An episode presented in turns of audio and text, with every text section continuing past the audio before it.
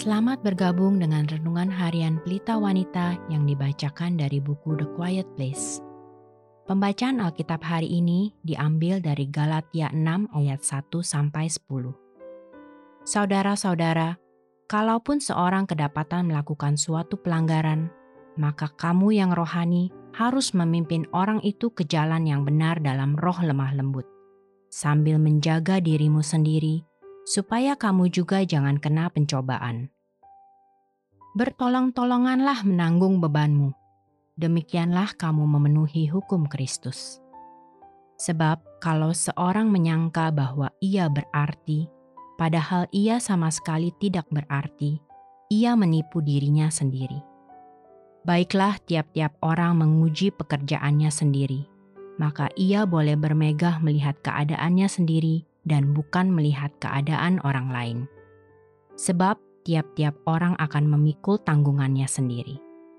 Dan baiklah dia yang menerima pengajaran dalam firman, membagi segala sesuatu yang ada padanya dengan orang yang memberikan pengajaran itu. Jangan sesat.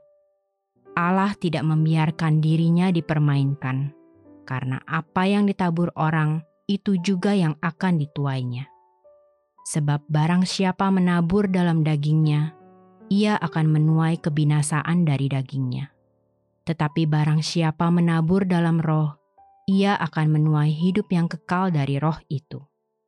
Janganlah kita jemu-jemu berbuat baik, karena apabila sudah datang waktunya, kita akan menuai jika kita tidak menjadi lemah. Karena itu, selama masih ada kesempatan bagi kita, marilah kita berbuat baik kepada semua orang, tetapi terutama kepada kawan-kawan kita seiman.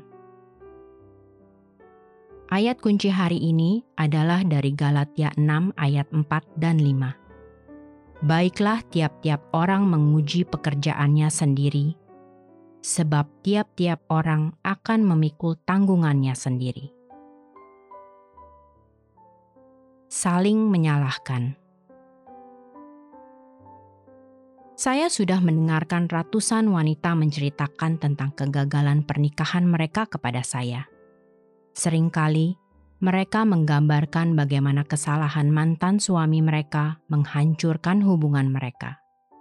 Tetapi sebaliknya, saya tidak dapat mengingat lebih dari segelintir kejadian di mana seorang wanita berkata, "Saya berkontribusi pada kehancuran pernikahan saya melalui sikap dan respon saya yang salah.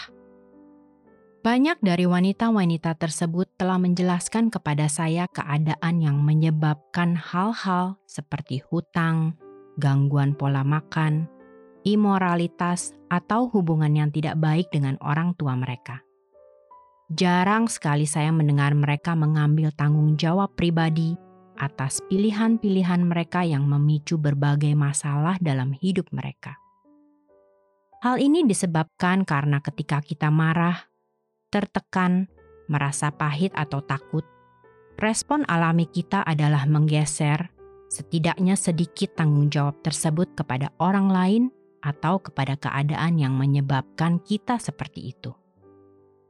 Saya tidak akan pernah melupakan hari di mana seorang wanita parubaya naik ke panggung untuk memberikan kesaksian di dalam salah satu konferensi kebangunan rohani kami. Wanita ini memperkenalkan dirinya sebagai seorang terapis yang telah berpraktek selama 22 tahun. Kata-kata selanjutnya bahkan lebih tajam dan menusuk dalam.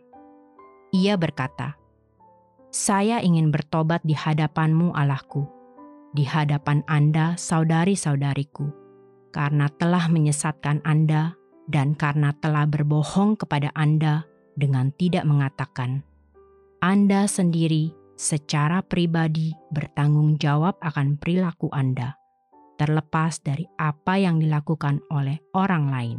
Maafkan saya.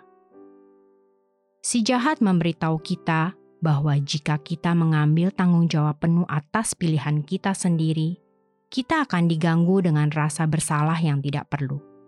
Ini bukan sedang berbicara mengenai memikul tanggung jawab atas dosa-dosa dan kelemahan orang lain tetapi kenyataannya adalah hanya dengan menerima tanggung jawab atas tindakan dan sikap kita, kita baru dapat mengalami belas kasihannya yang berlimpah dan sepenuhnya bebas dari rasa bersalah.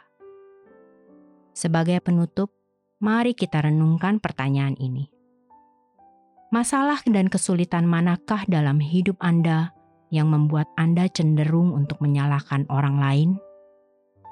Bagaimanakah dengan menerima tanggung jawab dan bertobat terhadap tindakan dan reaksi Anda yang salah dapat mengubah perspektif Anda?